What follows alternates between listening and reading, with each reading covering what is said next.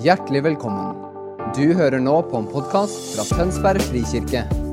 Talen er tatt opp på vår gudstjeneste søndag på Brygga i Tønsberg.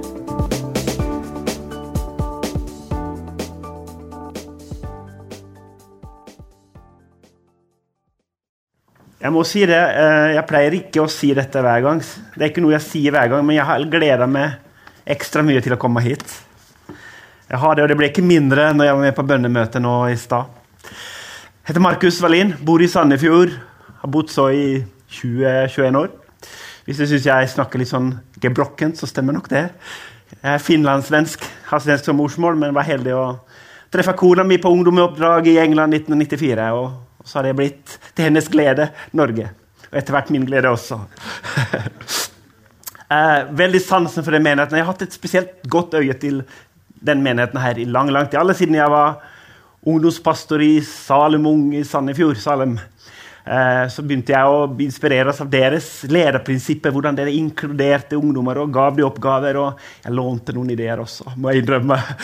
Og deres lederlunsjer hvor dere er rause og inviterer menighetsfolk, ledere fra andre sammenhenger. Den rausheten den eh, setter jeg utrolig pris på. Så det er utrolig godt å være her. Og så har jeg vært pastor i, i Larvik misjonskirke i fire år. De siste seks månedene har jeg vært, jobba i Åpne dører. Og det har vært en stor glede. Eh, besøke menigheter, ungdomsmøter, bibelskoler, vanlige skoler. Og ta med grupper på reise. Eh, og jeg må si På de seks månedene jeg har vært med en god del år i, i, i, blant gjengen, blant de troende. Men de seks månedene nå har gjort noe med mine perspektiver og med min tro. Og da er jeg ekstra frimodig og kommer og besøker mennesker, menigheter.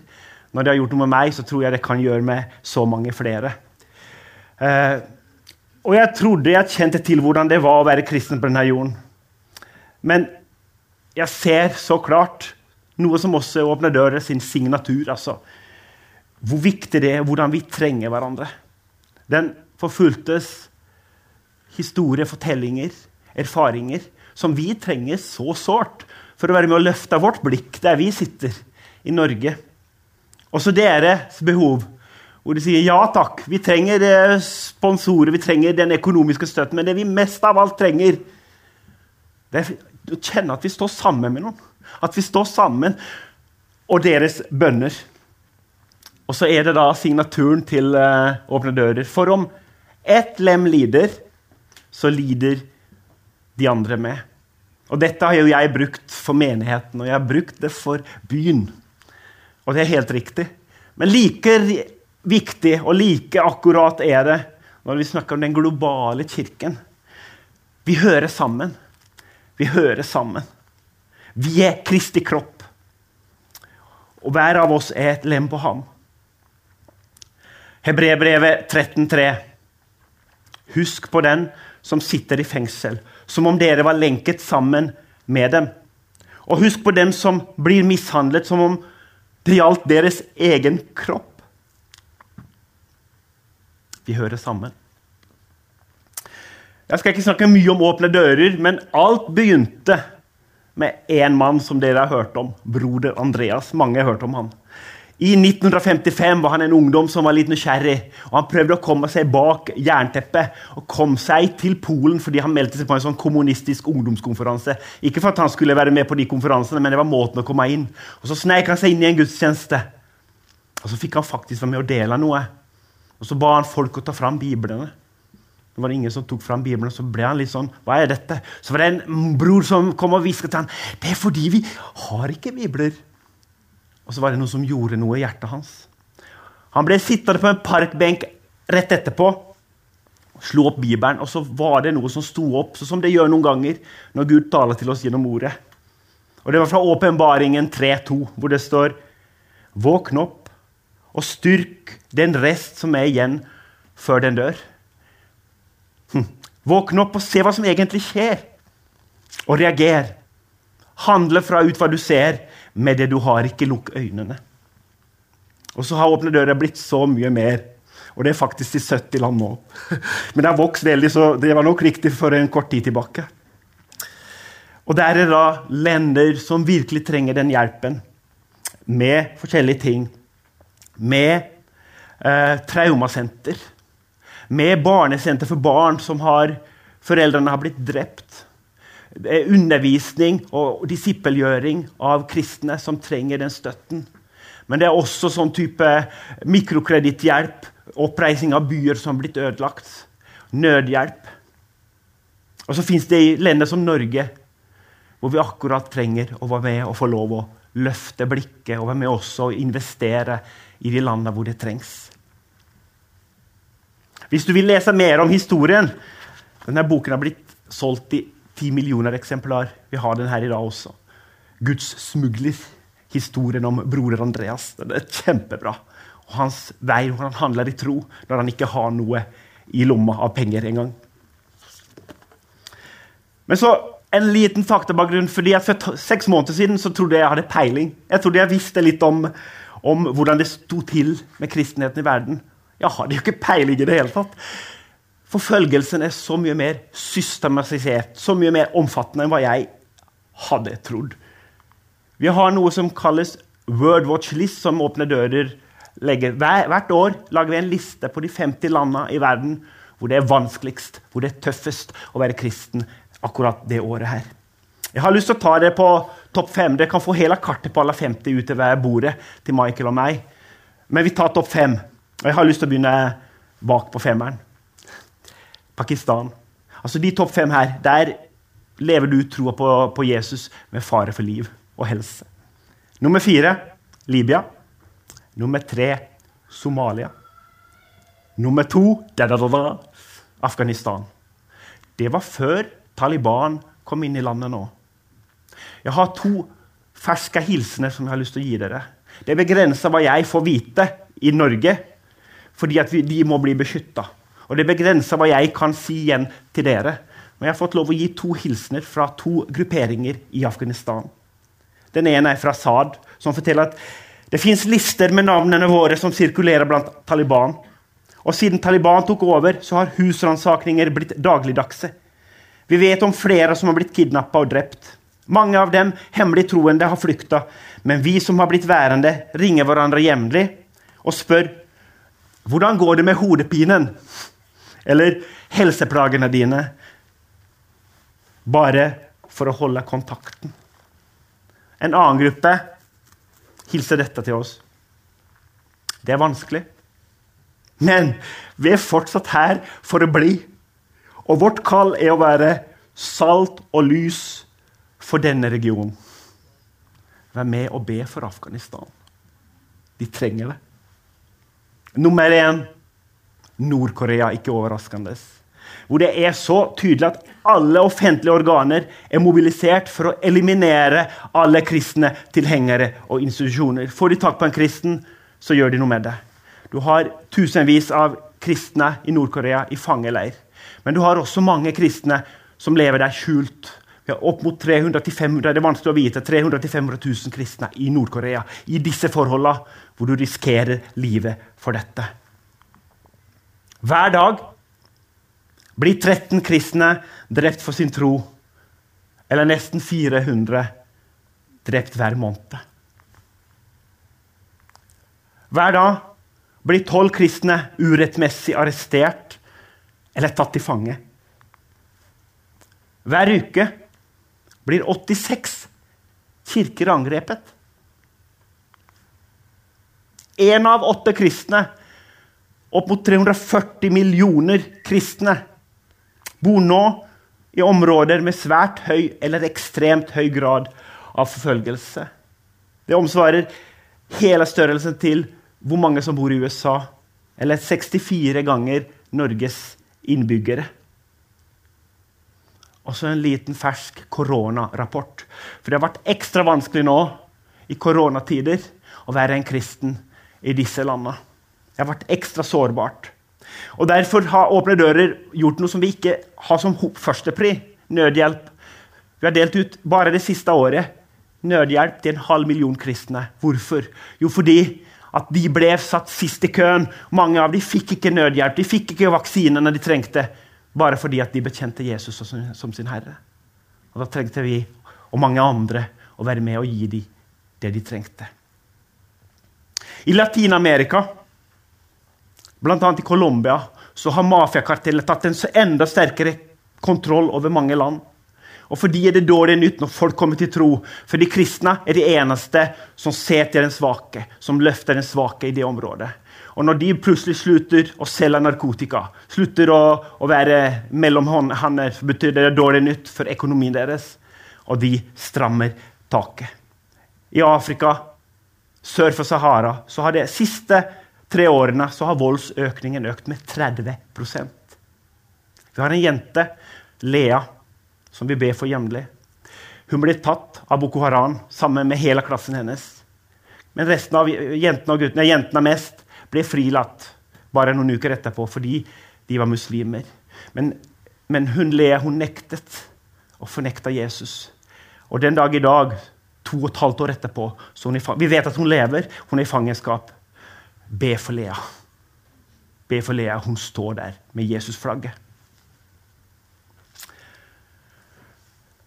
Jeg skal til to land til. India, hvor det har blitt tøffere og tøffere å være kristen de siste koronatiden nå. Hvor politikere, dommere, politi ser mellom fingrene for voldsbruk. Hvor urettferdig behandling av de kristne. Falske anklagelser. Det er en ny uavhengig rapport som har kommet fram nå som bekrefter dette. En regjeringsrepresentant uttalte for fire år siden fire-fem år siden. Vårt mål er at i 2021 det året her, så skal det finnes null kristne i landet India, for vi skal være hinduister. Sånn har det ikke blitt. Men det sier noe om når de fra høyeste hold proklamerer disse greiene, så er det tøft. Og så har vi Kina. For ti år siden var det ganske fritt i Kina. Man så ja, Det fins visse positive ting med at kristne fins, for de bidrar frivillig. og sånn. Men så begynte det å strammes til. Og De tre siste årene, tre-fire siste årene så har en ny lovgivning kommet som har gjort det tøffere å være kristen i Kina.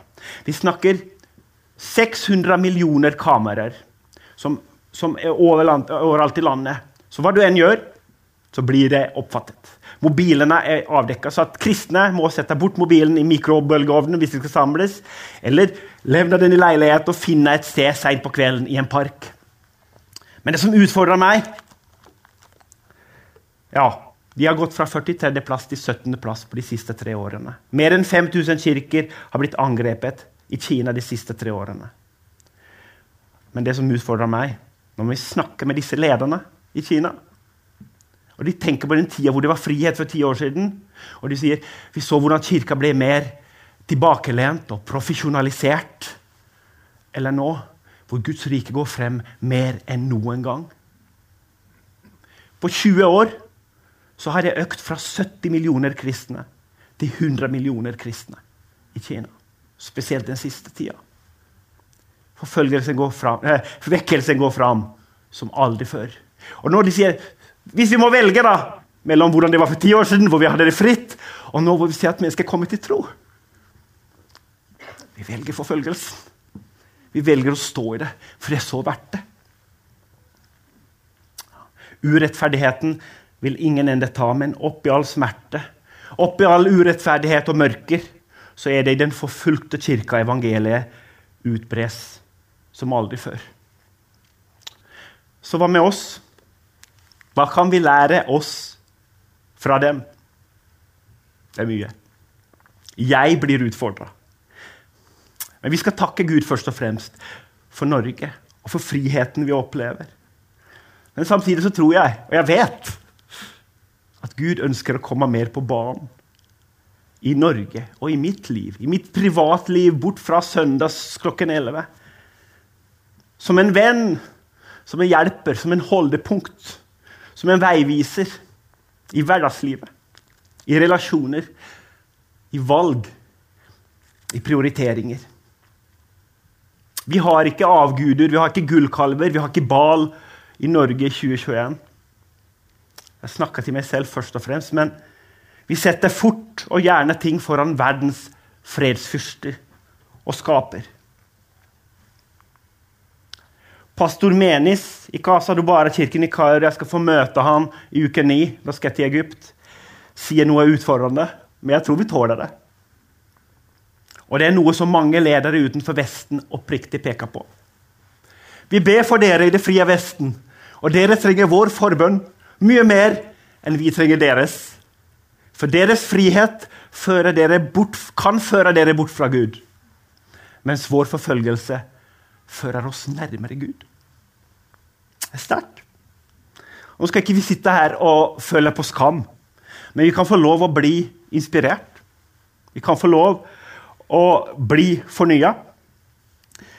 Vi kan få lov å se at livet Jesus fins i å følge ham, lyde ham, stå for ham, dele troen om ham, sette ham først under alle omstendigheter, også når det stormer.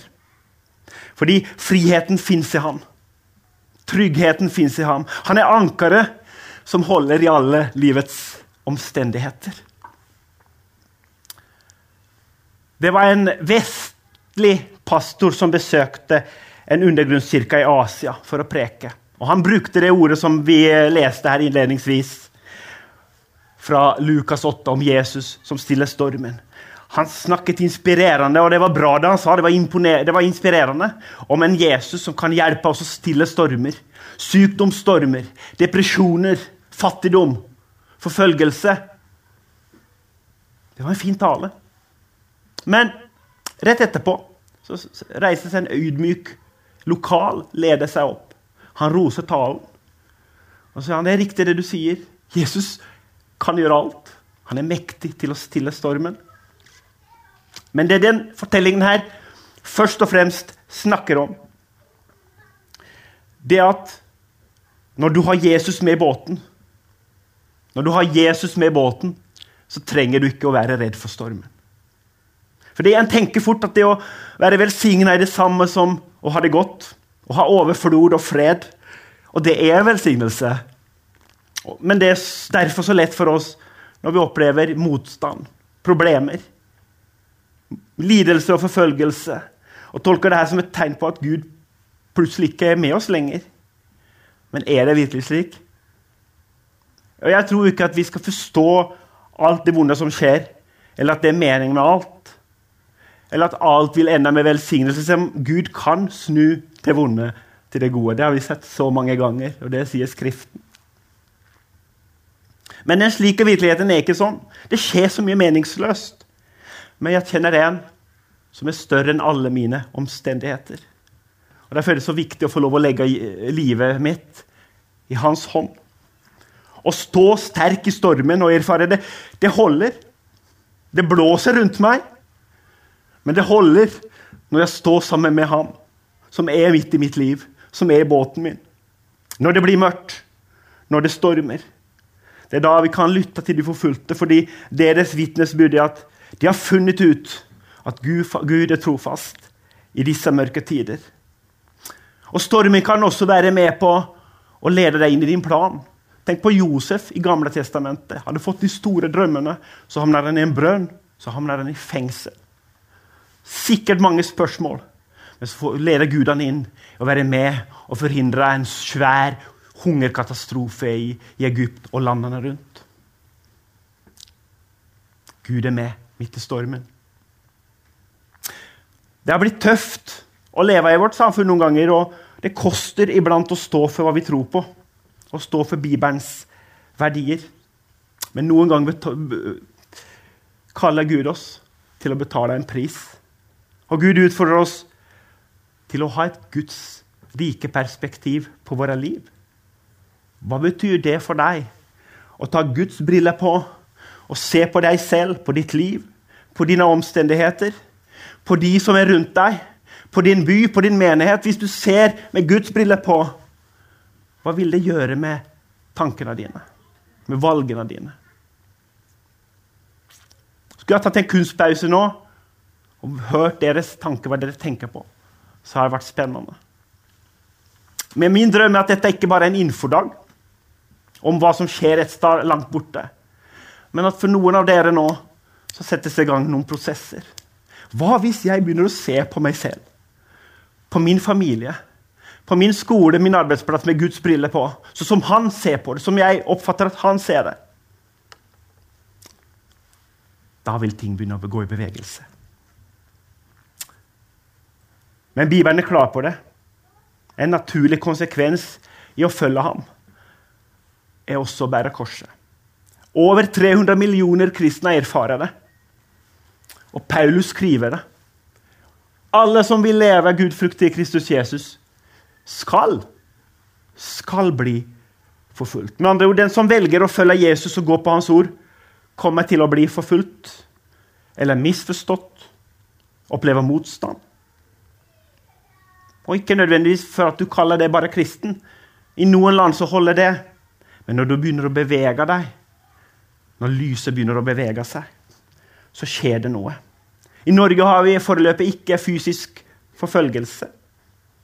Og det skal vi være takknemlige for. Men vi har likevel en annen type forfølgelse som er klart økende. Et sterkt sosialt press og et press fra samfunnet om å gi slipp på troskapen til Gud og Hans ord.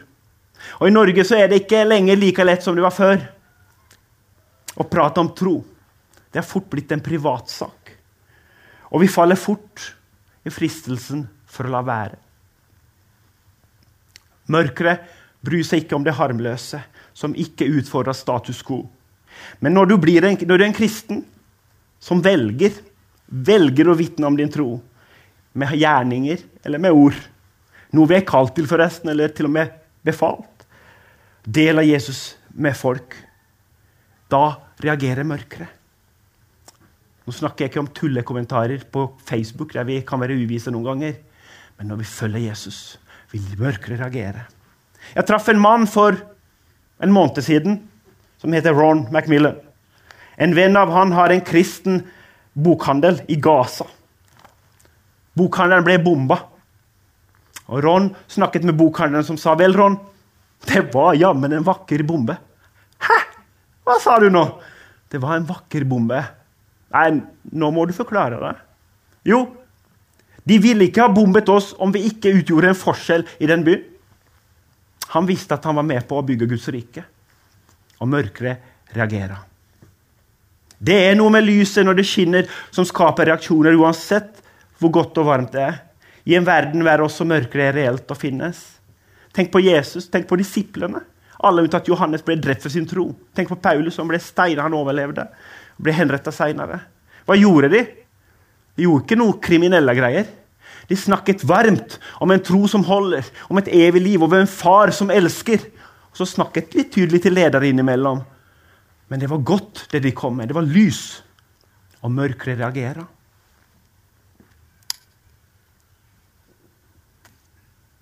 Amen. Men så er det viktig å huske lyset er sterkere enn mørket. Vi trenger ikke være redd for mørket, for vi vil ha med et sterkere lys å gjøre. Vi har med Jesus å gjøre. Amen.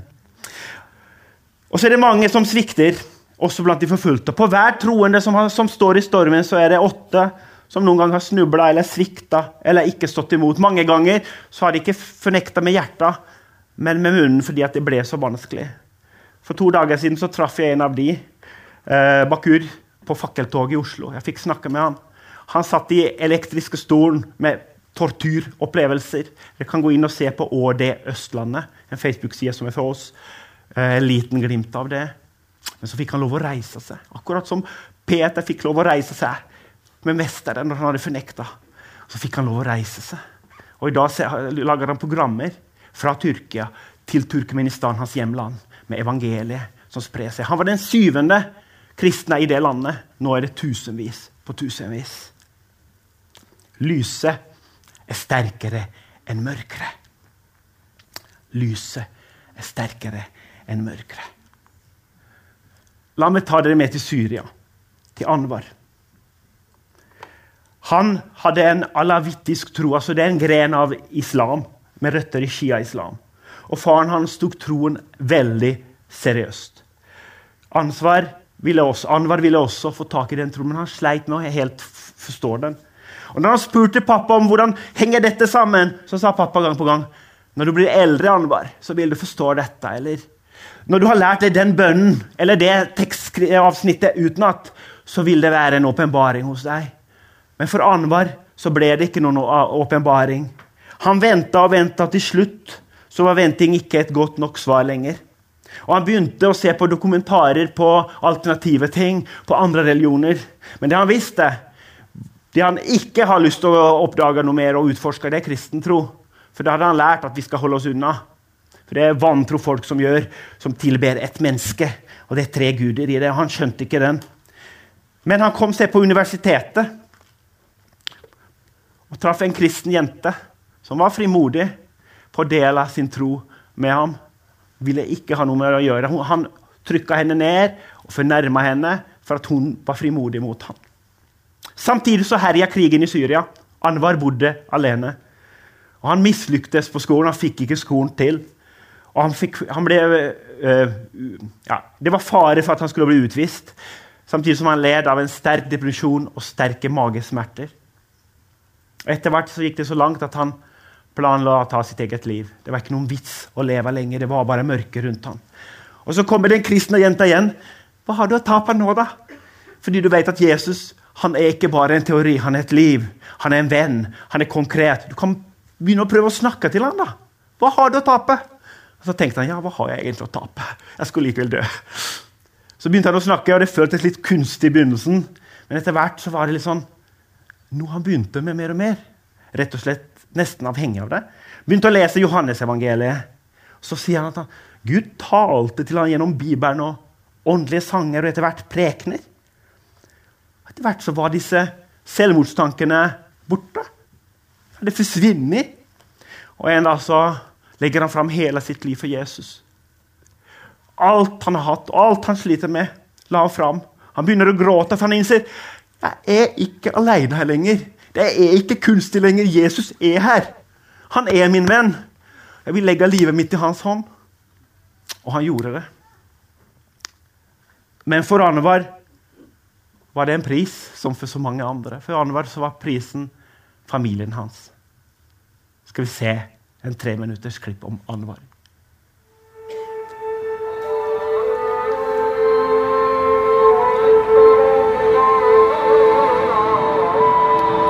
نحكي مع اختي تكون عم تبكي تصير بهدلني بتقول لي أنت إنسان ما فينك شرف أنت إنسان وانت إنسان وانت إنسان ما بيهمك غير حالك أنت شوف شو عملت بأمي شوف شو عملت بأخواتي شوف شو عملت فينا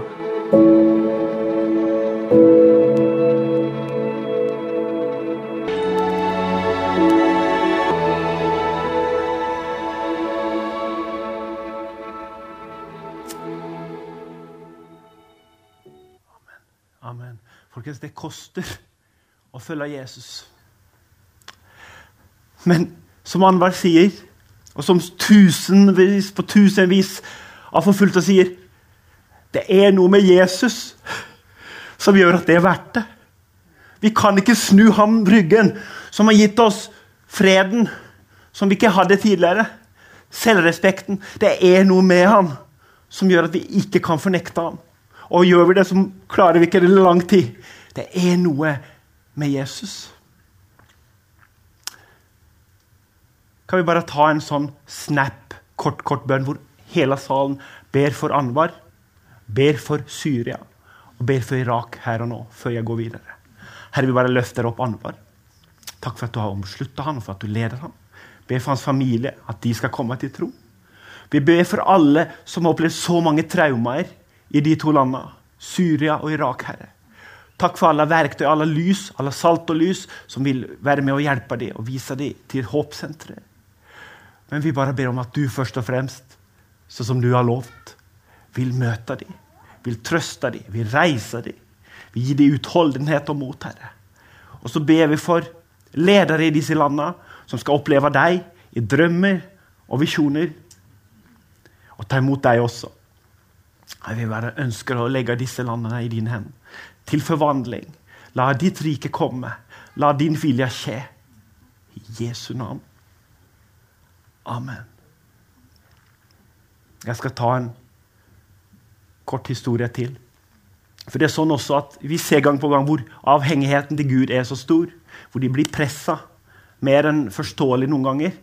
Det er helt grusomt. Så ser de også i den avhengigheten hvor ofte det overnaturlige blir naturlig. Vi hadde et team fra Åpne dører som var i samme område i Asia, i et annet land, et strengt muslimsk land, med bibler. De hadde ti kilo med bibler igjen. Og var litt sånn Viktig at vi får lagt disse på riktig sted. Hvor skal vi levere de? Så kom en av lederne på Vi hadde kontakt med en menighet i sør for ti år siden. Jeg vet at de hadde veldig trøbbel med myndighetene. Jeg vet ikke hvordan det har gått. Men det kan være at Gud ønsker at vi skal dra dit. Så ble det enige om at tre stykker av de reiste ned til det stedet. Men de ble også informert om at dette er farlig. Hvis, hvis ikke de åpner døra i kirka der, når det har gått to minutter, så må dere avleksne dere for å ikke skape for mye oppmerksomhet til det stedet. For det trenger de ikke. De har hatt altfor mye trøbbel før. Til historien hører at den kirka hadde vært stengt i ti år pga. det trøbbelet med myndighetene. Men den uka der så hadde de første gang på ti år samlet seg igjen til bønn og faste. For de trengte så sårt et gjennombrudd. De trengte et eller annet fra Gud. De hadde blitt mista alt av bibler. Biblene hadde blitt konfiskert av myndighetene, så de var uten alt. Så de ba først og fremst om bibler. Så står disse tre stakkarene som ikke har vært med på et sånt eventyr før, og banker på og venter og venter. Historien er nå er det bare en halvtime igjen av den uka. De har begynt å pakke sammen på innsida. Tingene har begynt å si OK, takk for den stunden her. Men det ble ikke det vi hadde drømt om. Pakka sammen. Det går ett minutt, ett og et halvt minutt, og det er på vei å gå, disse tre gutta. Så åpnes døren sakte, sakte opp. Og så spør du hvem er dere, hva vil dere? Vi er venner som ønsker å gi dere gaver. Hvilke gaver? Ja, vi har, vi har en del bibler. Kan dere tenke den elektriske stemningen etter en uke i bønn og faste? Folkens, Gud er ikke døv, han er ikke død. Gud lever. Amen. Vi skal gå inn for landing.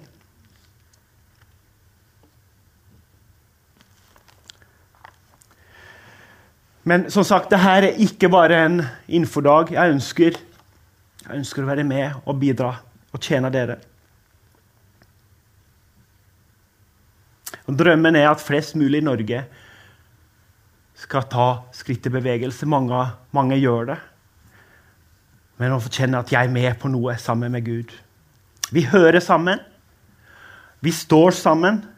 Vi kan bety en forskjell for hverandre. Vi er kalt til å koble mennesker med mennesker. Vi er kalt til å koble mennesker med Gud. Og det er ikke alltid så mye som skal til. Vi tenker altfor ofte Hvem er jeg? Med min tro, med min bakgrunn, med mine feil. Hvem er jeg til å være noe? Hva er min innsats verdt? Og så tror jeg Guds, Guds prinsipper kommer veldig klart fram her. En dråpe i kildevannet skaper ringvirkninger. Uansett. Men din dråpe kan være med å skape i Guds hender kan det være med å skape ringvirkninger som du aldri turte, trodde du skulle få være med om. Og Kanskje du ikke ser resultatet av det engang, for det er noen andre som tar det videre. Vær med å skape ringvirkninger. Det ser en liten bokstav der. Teologene her kanskje kan, kan hva det er for bokstav. Det er den minste bokstaven i hebraisk, som kalles jod. Bare en liten prikk. En liten prikk. Den minste bokstaven av de hebraiske bokstavene. Den er ubetydelig og liten, og fra det kommer den romerske i-en og j-en. J. Men som den minste så er den den viktigste av de alle. Jord starter det største og mest hellige av alle ord. Jahve. Guds navn starter med jord. Guds land, Israel, begynner med bokstaven jord. Guds stad Jerusalem begynner med bokstaven jord. Navnet Jeshua, Jesus, begynner med bokstaven Jord. Markus, hva, hva, driver du med nå? Hva, hvorfor sier du dette, da? Jo, jeg tror det er et prinsipp som går dypere. De aller største ordene begynner med den aller minste bokstaven. På samme måte så begynner Guds verk med den aller minste bevegelsen. Vi er kalt til det nye. I Tønsberg så er vi kalt til forandring. Men av naturen så unnviker vi det meste av forandring og det som er nytt. Jeg kjenner til det. Hvordan lar du deg forandre? Hvordan går du fra et liv i nederlag til å reise deg til et liv i seier? Du gjør det ved å ta et jordskritt. Et lite skritt. Et lite ubetydelig skritt i retning mot den største tenkbare forandring. Du begynner ikke nødvendigvis med en stor seier, men du tar et jordskritt. Et lite skritt i retning mot den store seieren. Din jord av mot. Din jord av tro. Din jord av forandring. Din jord av å klare å se med Guds briller på. Så bruker det, Gud dette lille jordet til å skape ringer i vannet. Han gjør det. Han bare lengter etter at vi fortsatt skal være i bevegelse, selv om det kan storme rundt oss. Og mange står ved det kildevannet og kjenner at det attraherer. At det er attraktivt. Det er noe med Jesus. Men så har de ikke lært å drikke av kildevannet. De bare står og kjenner at det er et eller annet her som drar i meg. Og Gud utfordrer oss. Gud utfordrer deg til å drikke av vannet. Fordi det finnes så mye der som du ikke har sett ennå. Du kanskje har vært kristen i 20 år, 30 år, men det finnes så mye mer til meg. Det siste halvåret har jeg sett nye ting. Jeg har mye mer å se. Jeg har lyst til å betjene dere om en liten stund. Men det er sånn også at den kirka her gjør allerede så mye bra. Og så har jeg bare lyst til å gi noen sånne små appetizer på hva du kan få lov å være med sammen med Åpne dører. Noen ting er veldig små, men det kan være noe vi kan være med på. Du kan være med og be. Nå skal vi se hvor jeg har Hvor har jeg bønnekalenderen nå, da? Her. Hvis du vil Dette er gratis. Så kan du melde deg på ved bordet ved Michael og meg. Så får du et månedsblad gratis med ferske historier. I, dag, i den nye, nå, den er helt, helt, helt fersk, jeg fikk den i går, i forgårs, det er historien om Batur. Han jeg traff på fakkeltoget, som var i elektriske stolen for sin tro. Les den. Og så får du den fantastiske, lille, enkle bønnekalenderen. Jeg har begynt å bruke den. Jeg leser kanskje bare ett-to minutter per dag. Men det er en enkel historie om en familie eller en situasjon som er aktuell. Helt fersk. Og med å be for dem.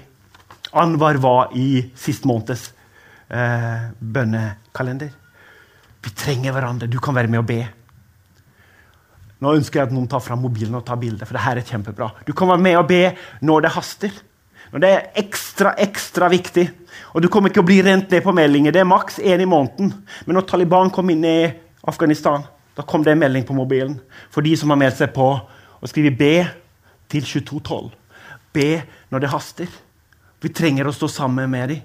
Og noen ganger så er det ekstra uh, bro, uh, dårlig tid. Ekstra viktig. Der kan du være med. Be når det haster. Du kan være med å gi et engangsbeløp eller opprette en fast givertjeneste ved hjelp av avtalegiro. Du kan være med å hjelpe en familie som er på traumasenter, og følge den familien økonomisk i noen måneder, så at de får den støtten og hjelpen de trenger. Uh, vi har et kort nede ved, ved bordet der Michael står, der du kan, der kan krysse i ja, jeg vil ha Månedsbladet gratis. Eller jeg vil, jeg vil være med oss, jeg vil høre mer om uh, givertjenesten. Eller reisetjenesten. Uh, egentlig skulle jeg om tre uker til Nord-Afrika med en haug med bibler. Nå ble det uh, utsatt. de trengte sårt bibler. Men det er fem andre team som kan dra nå til et sted hvor de trenger bibler sårt. Da kan jeg ta med meg, eller noen andre kan ta med, en gjeng fra Tønsberg eller Sandefjord på en kurertur til forskjellige land. Og det er ganske trygt. Vi, vi drar ikke til superfarlige steder. Eh, vi drar på inspirasjonsturer, f.eks. til Egypt, for å møte kristne ledere og menigheter Det, feire gudstjeneste med mennesker der. Den er utrolig populær. Vi har også en sånn bønnetur som vi har. Eh, på det kortet kan du krysse. Jeg vil høre mer om reisetjenesten. Hvilke turer fins det? Så fins det også en brosjyre der. Eh, det, er, det forandrer liv mange ganger. Du kan bli en partner. En partner uten å betale noe. Ved å være med og be fast for de forfulgte. Og så har vi noen bøker, da. Vi tjener ikke mye penger på det, men det, det er historier mye likt Anwar. Altså, som har inspirert meg når jeg leser. 'Søk til Allah, fant Jesus'. Uh, utrolig bra bok i trosforsvar. for Han var en intellektuell, han var medisinstudent og ivrig uh, innenfor islam. Han ba sju ganger istedenfor fem ganger for å være veldig ivrig. Men så ble han utfordra på å gå i dybden på Koranen, gå i dybden på, på Bibelen. Og så fant han Jesus. Det begynte i hodet, og så gikk det til de grader ned i hjertet. Men det kosta. Den store vekkelsen i Iran vet dere at det er den største vekkelsen i verden akkurat nå. i Iran. Dette er den nyeste boken vi har. Meget spennende. Han som skrev den, eh, lager programmer hvor hundretusener av mennesker har kommet og kontakta dem etterpå. Kommer til tro gjennom satellittprogrammer på TV. Amen. Og så er det da, som vi sa, bli med på fakkeltog. Stå opp for de forfulgte. Jeg, jeg kommer å være der. Jeg håper jeg ser deg. Kan dere reise dere?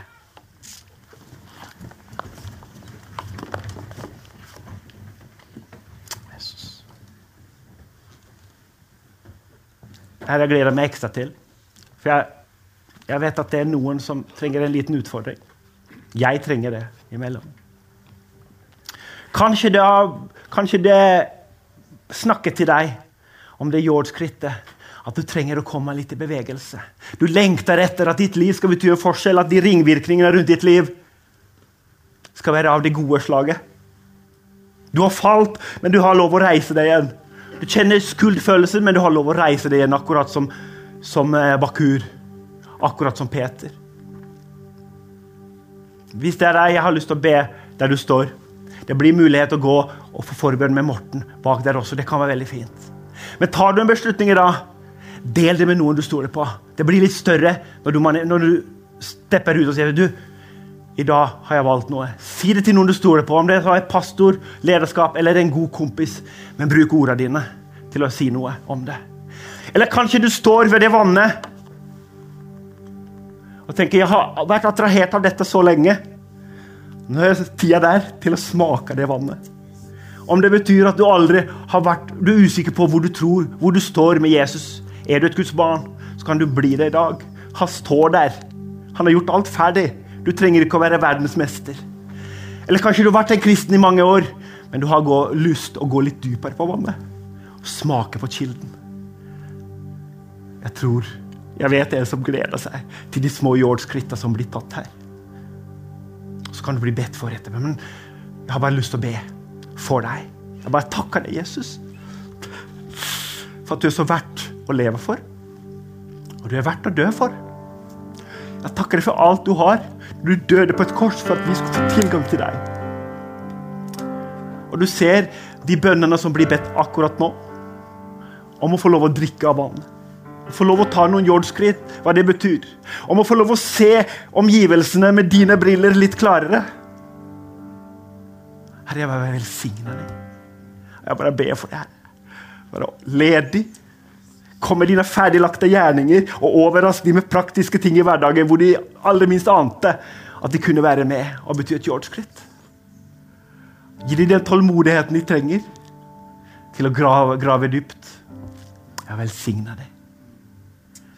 Du som tar imot Jesus akkurat nå, eller som har vært usikker på hvem du er, du kan gjøre det her og nå. Det trenges ikke 40 formler. Du kan si med, med, med ditt hjerte bekjenne, med ditt hjerte tro og med din munn bekjenne til noen du stoler på. Jeg vil leve for Jesus. Og Jeg tror det kommer å koste litt, men det er verdt det. Jeg har lyst til å bekjenne farge. Jeg har lyst til å vise farges, fargen for Jesus. Også der jeg syns det kan være vanskelig på arbeidsplassen, så har jeg lyst til å bekjenne farge. Jeg velsigner deg i Jesu navn. Jeg velsigner deg i Jesu navn. Og så kan du få personlig forbånd seinere. Nå tilber vi sammen i Jesu navn. Amen.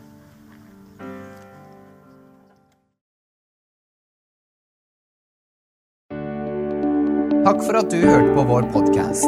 Har du spørsmål eller ønsker du å vite mer? Søk oss på vår nettside tonsbergfrikirke.no. Du er også velkommen til kirke på Brygga i Tønsberg.